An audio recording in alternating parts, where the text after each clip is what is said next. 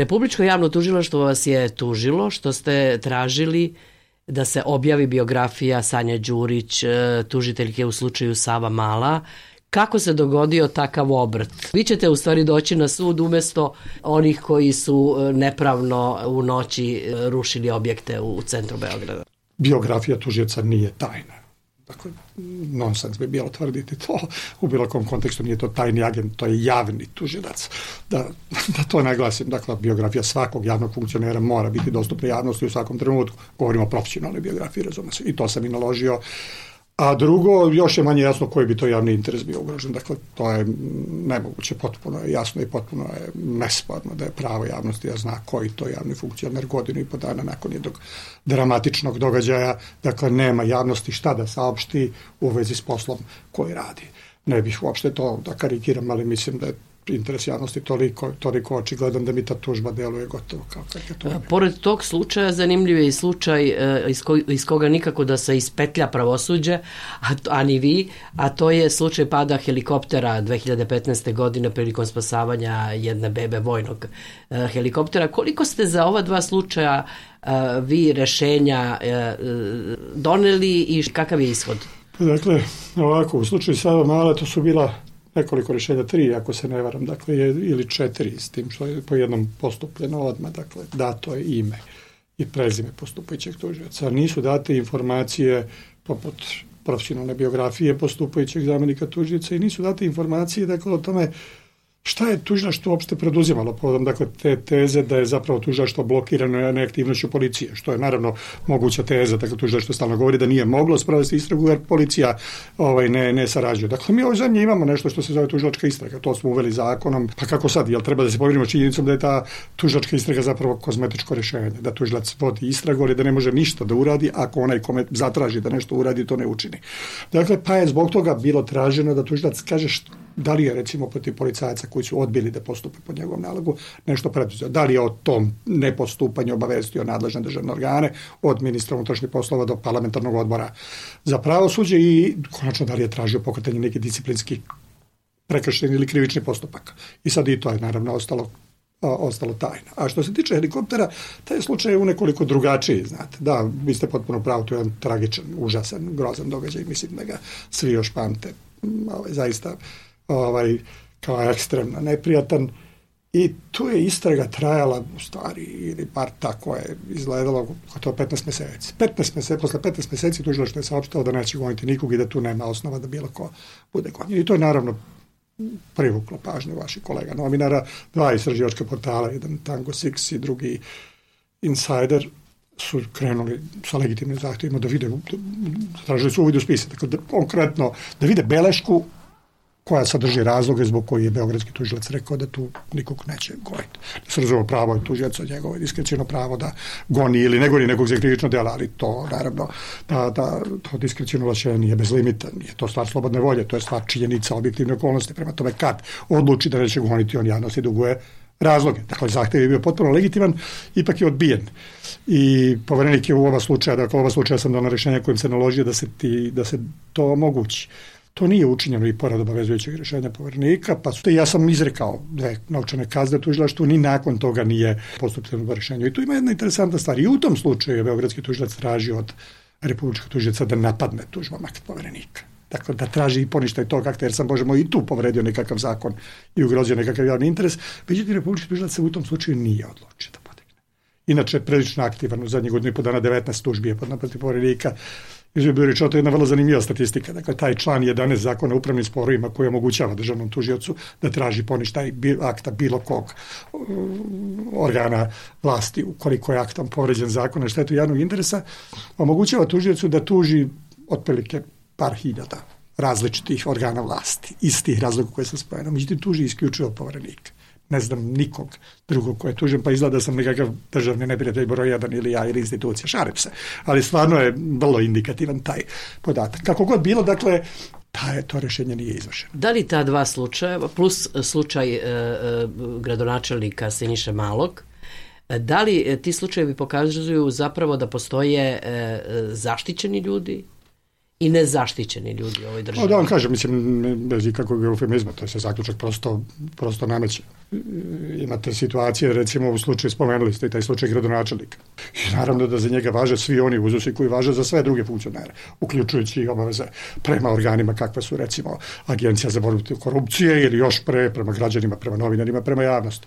I sad, razumete, posle čitavog niza natezanja i rešenja o kojima ste govorili i tako dalje i tako dalje, konačno dolazimo u situaciju da, da eto, premijer lično saopštava da on više neće biti gradonačelnik, ali to objašnjava nekakvom kampanjom koja, koja je ovaj koja je gradonačelnik izložen. Pazite, to je zaista, neću da spekulišem sa motivima i viđenjima premijera, ali to zaista ovaj deluje krajnje, krajnje subjektivno. Ovaj, zapravo okolnosti pre ukazuju na to da je gradonačelnik bio pod kišobranom, a ne pod kampanjom, govorimo o zaštitnom kišobranu naravno. Dakle, ako imate situacije da rektorat Beogradskog univerziteta zatraži recimo da se ispita njegova valjanost njegove doktorske disertacije i da se odmah nakon toga raspadne e, etička komisija, ona, da svi daju ostavke, ako imate situaciju da poverenik podnese zahtev za pokretanje prekršenog postupka protiv gradonačelnika zbog zloupotrebe podataka o ličnosti soci, osiguranika, socijalne pomoći i tako dalje i stavljanje tih podataka u svrhe političke propagande, što je kršenje zakona i prekršeni sud se izuzme od suđenja iz razloga koji nije predviđen zakonom,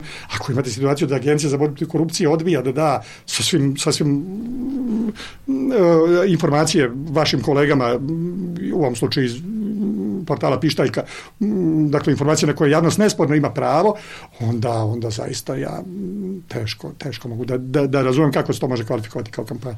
Pošto vaša biografija profesionalna nije tajna, ja sam pročitala I stvarno je fascinantno koliko ste vi nagrada dobili za rad. Vi ste najevropljanin, reformator godine, vitez poziva, ličnost godine, dobar primer novog optimizma, pa ste dobili priznanje za građansku hrabrost, za borbu protiv korupcije, za slobodu medija, za doprinos Evropi, za toleranciju, za unapređenje prava žrtava, za ljudska prava. Imali priznanja i nagrade društvenog priznanja koju niste dobili? Pa ne znam, ali u svakom slučaju, dakle, dakle to jeste zaista jedan, jedan velik broj priznanja. Uvek, kažem, naravno, ja, bez obzira što sam ih ja lično dobio, zasluga nije samo moja i uvek. I u svakoj prilici kad sam je dobio, naglašavao sam da je to zasluga jednog tima koji sam pravio godinama i na koji sam ponosan i bez koga se ovaj, ne bi mogao raditi to što je napravljeno. Često kažem da ima jedna stvar koja je s tim u vezi zanimljiva.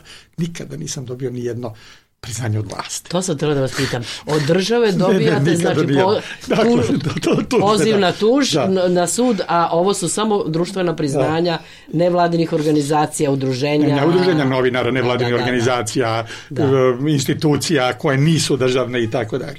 Kad sad poredite 2004. E, godine, e, kada ste izabrali, izabrani kao prvi poverenik, i sad 2017. godine. E, šta biste rekli, da li je ovo društvo svesnije svojih prava i kad je reč i o zaštiti podataka i prava na informacije? sve dok sam nastanka i razvoja te institucije. To su stvari koje zaista ne mogu da se porade. Sad kad se setim početaka, to oni su izgledaju gotovo karikature. Ja sam šest meseci zapravo bio lišen bilo kakve podrške od strane države koja me učinila visokim funkcionerom i čak državnim organom ni dinar jedan, ni spajalicu, ni kvadratni metar prostora, ni stolicu, ni telefon, ništa nisam imao. Pečat te institucije sam platio svojim novcem i u šali sam govorio ako se nađu, kad se nađutim pa dam ostavku, nosim pečat kući, imam, ga, imam račun za njega, on je moja prijatna svojina. Dakle, to je izgledalo zaista nadrealno iz ove perspektive. Pa je institucija rasla polako, polako. Danas je to jedan autoritativan državni organ. Je on trenutku to je 70 ljudi. To više nije mala kuća, ali je naravno posao ogroman. Znate, to su hiljade hiljade žalbi. E, ilustracije radi, reći ću vam, pre nekoliko godina moja švedska koleginica istekao je mandat pa je poslala jedno kurtozno pismo. I u njenom pismu je pisalo onako kako se s ponosom seća kako je u toku mandata, koji inače traje pet godina njen mandat, uspešno okončala 750 slučajeva. Bilo je sedmica kada je srpski poverenik dobijao 750 žalbi. onda možete da razumete koje su to relacije. Ali upravo to izuzetno cenim. Tako, uspeli smo da probudimo svest ovaj, građana, novinara o tome da je taj alat, taj zakon o slobodnom pristupu informacijama dobar, on se koristi svakodnevno, da se razumemo, obilje informacija se danas dobija i bez potrebe za intervencijom poverenika. Dakle, čak i informacije koje se nekad nije pomišljala ni da traže, a kamoli ga dobiju. Dakle, napravljen je tu jedan, jedan solidan korak i to mi je dalo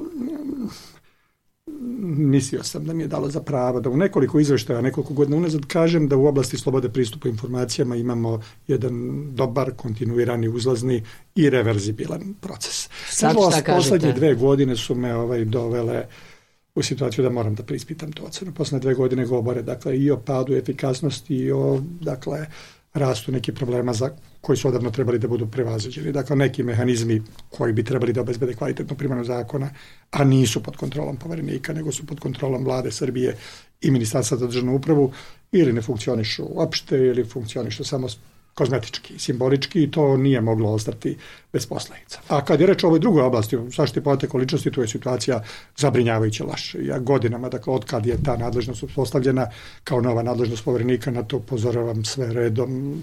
I tu vi radite zapravo pionirski posao. Pa i onaj prvi je bio pionirski, ali znate kako, ispostavilo se da je, i logično je tako, lakše je bilo i građanima i novinarima prepoznati jednu jednostavnu istinu.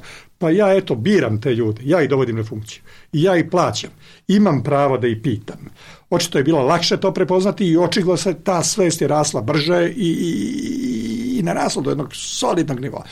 Ta priča o zaštiti privatnosti u zemlji koja je tranzicijona, u zemlji koja je godinama bila opterećena kolektivističkim sistemima vrednosti, u kojima je uvek sve kolektivno bilo važnije od ličnog individualnog. Bila to radnička klasa, bila to komunistička partija, bila to nacija, narod, vera, pleme, konfesija, šta god.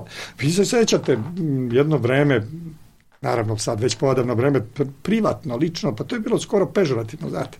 U, u, u jednom takvom kontinuitetu višegodišnjem, sada dići na visok nivo na lestvici vrednosti lično, privatno, to uopšte nije jednostavan posao. To zahteva ogroman angažman, napor cele države, a oni zostaju. Slušate intervju nedelje sa Rodoljubom Šabićem, poverenikom za informacije od javnog značaja i zaštitu podataka o ličnosti. Kao skandal je, e, gospodine Šabiću, e, primljena informacija o pacijentima e, sa F diagnozom, psihijatrijskim pacijentima, o podacima za te pacijente koji su, koje su zatraženi od jedne zdravstvene ustanove u Kikindi. To, to ni slučajno nije najveći skandal. Pa mi smo imali, vidite, mi smo imali situaciju pre dve godine da je baza podataka Agencije za privatizaciju. Baza podataka koja je sadržala lične podatke praktično kompletne populacije srpskog stanovništva, stanovništva Srbije. 5 miliona i 200 hiljada ljudi je bilo u toj bazi podataka. Otkrili smo je da je jedna noć potpuno otvorena, dakle nikakva zaštita, da se preko prostog linka u nju ulazi i može uzeti cela i uzeta je sigurno cela, ko zna od koliko su nikada.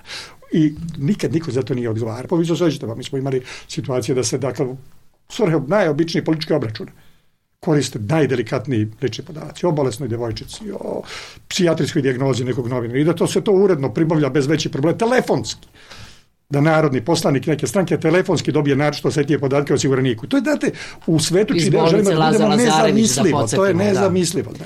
U godišnjem izveštaju uh, za 2016. vi ste kao poseban problem uh, ste istakli to što vlada Srbije nije postupila ni po jednom vašem zahtevu? Najveći deo tih rešenja mm, organi vlasti izvrši. Ali postoji jedan broj rešenja, dakle, be, i bez obzira na zakonsku definiciju.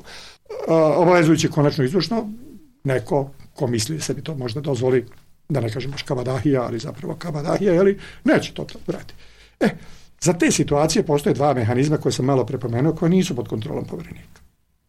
Dakle, vi ćete suočeni s takvom situacijom, dakle, povjerenik je donao rješenje u korist Slobodne Evrope, taj neko od koga ste tražili kopiju dokumenta ili informaciju nije postupio po nalogu povjerenika, vi se možete obratiti povjereniku. Ja jedino što mogu uvažiti situaciju, to je da izreknem dve novčane kazne u iznosu od 200.000 dinara i da nakon, i to kazne koje izričem dužniku, a to je znači preduzeće, ministarstvo, opština, grad, a ne ministar, direktor i, i slično, i tu je priča završena. E, Znači, vi nemate nikakve mogućnosti nikakve. dalje od e, ali zakon naravno predviđa dve mogućnosti koje bi trebale da su vrlo efikasne.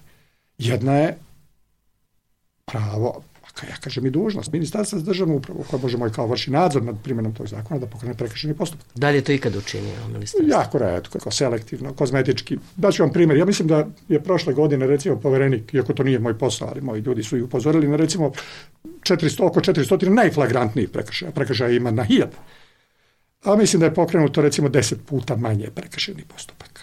40. Pri tome većina njih zastarija. Dakle, to je mehanizam koji zaista funkcioniše samo simbolički. Drugi, koji ste vi malo prepomenuli, ne funkcioniše uopšte. Dakle, zakon kaže ako poverenik iscrpi ove kazne, pa to ne daje efekat, vlada će prinudom obezbediti izvršenje rješenja Dakle, to je potpuno jasna, nesporna obaveza vlade. Vlada tu obavezu ne izvršava nikad. Da se pri kraju vratimo ponovo na one slučajeve sa kojim smo počeli ovaj razgovor Sava Mala, pad helikoptera, gradonačelnik Beograda Siniša Mali, e, da li su vama vezane ruke? Da li ste vi sve učinili u tim slučajevima što ste mogli do sada? U okviru ovlašćenja koje povrednik ima, on je uradio sve što je mogao. Ponavljam, drugi nisu uradili ono što su dužni da uradi. E, e... To hoću da vam kažem. Dakle, sad je problem. Ovo što, e, što se dešava zapravo pokazuje da mi u nizu stvari imamo, imamo kako bih rekao, kulise. Da radimo postupke i institucije koje su kulisne koje nisu realne. Znate, imate situaciju u kojoj recimo Agencija za borbu korupcije e, ne da novinarima podatke u vezi sa slučajem Siniša Malog, pa kad povjerenik to naloži, pa ona i dalje nešto ne da, pa povjerenik zatraži uvid u spis. Agencija postavlja rezolutne, rigidne uslove, specijalne uslove povjereniku koji bez sumnja ovlašen po više osnova da pristupa tim podacima. I onda na kraju saznate da u toj istoj agenciji dakle, nema nikog koji je sertifikovan za pristup tajnim podacima. I niko ne pita, dobra, kako borataju s tajnim podacima? A šta je sa tim zakonom o tajnosti podataka koji su donali pre 8 godina? Jel to ove zemlje primenjuju samo povjerenik i bija? Šalim se. Ali razumete, dakle imamo gomilu stvari koje imamo na papiru, koje s ponosom pokažemo tim monitorima koji stižu iz Evropske unije ili već ne znam odakle. Pa nije to valjda ideja.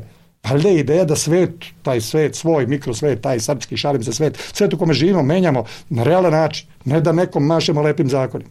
Pitaću vas e, za još jedan konkretan slučaj, to je vaše najnovije rešenje, druga naučena kazna koju ste e, izrekli gradskoj upravi Beograda zbog nepostupanja u slučaju objekta na Dedinju ulici Koste Racina 11. O čemu se radi? Radi se o tome dakle, da na jednoj lokaciji u Beogradu, dakle tamo gde se može zidati mala porodična zgrada, nikla velika zgrada sa komercijalnim stanovima za prodaju susedstvo se organizovalo, angažovalo advokate, pozvalo građansku inspekciju i reklo ovde to ne može, to je protivno svim građanskim uslovima, to ne može da se zida. Inspekcija je izašla na lice mesta, konstatovala da je zaista tako, zabranila gradnju, potom donala rešenje o rušenju i pod kraj 2016. je u plan za rušenje bila uvrštena ta zgrada. Međutim, početkom 2017.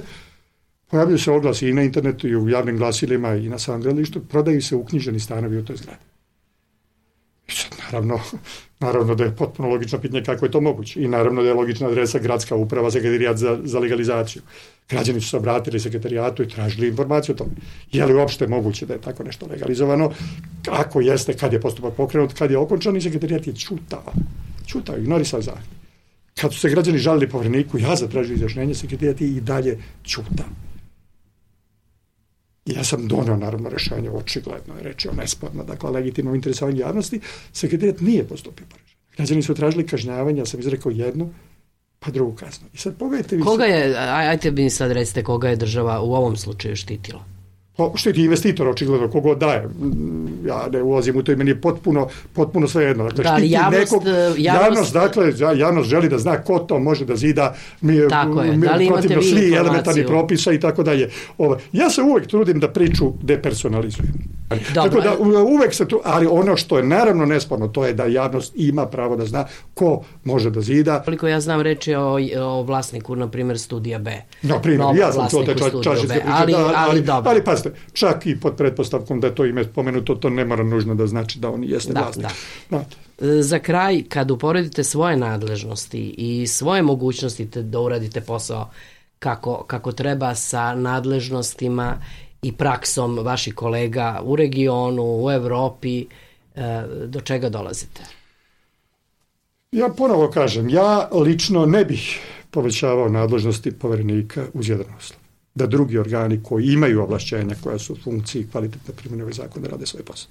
Ako ne žele da ga rade, neka to kažu, pa da te od ovlašćenja selimo negde drugde, recimo i u resor poverenika. Dakle, ponavljam, ako smo doneli zakon i u zakonu predvideli pored centralne uloge povernika, nekakva ovlašćenja, ali ovlašćenja uvek podrazumaju i obaveze. Za ministarstvo za državnu upravu, za vladu i za sud, onda valjda očekujemo da svi oni prema tim obavezama imaju isti odnos, a to znači ovaj odgovor. Dobro, sud radi, kad ćete se vi pojaviti pred sudom? Pa ovaj, pretpostavljam u neko dogledno vreme. Ostalom, kad već govorimo o tim tužbama Republičkog tužnjaca, ono što je tu zanimljivo, vidite, do sada je protiv povjerenika ponato 30 takvih tužbi, državnog tužnjaca. 14 rešenih slučajeva u kojima je tužilac našao da je povjerenik povredio zakon i ugrozio javni interes. Od do sada rešili 14, 11 je sud odbio zahtjev tužnjaca. Tri slučaje ponište moje rešenje, ali ne, ne preinači, nego je našao da nedostaje još elementa za obrazloženje.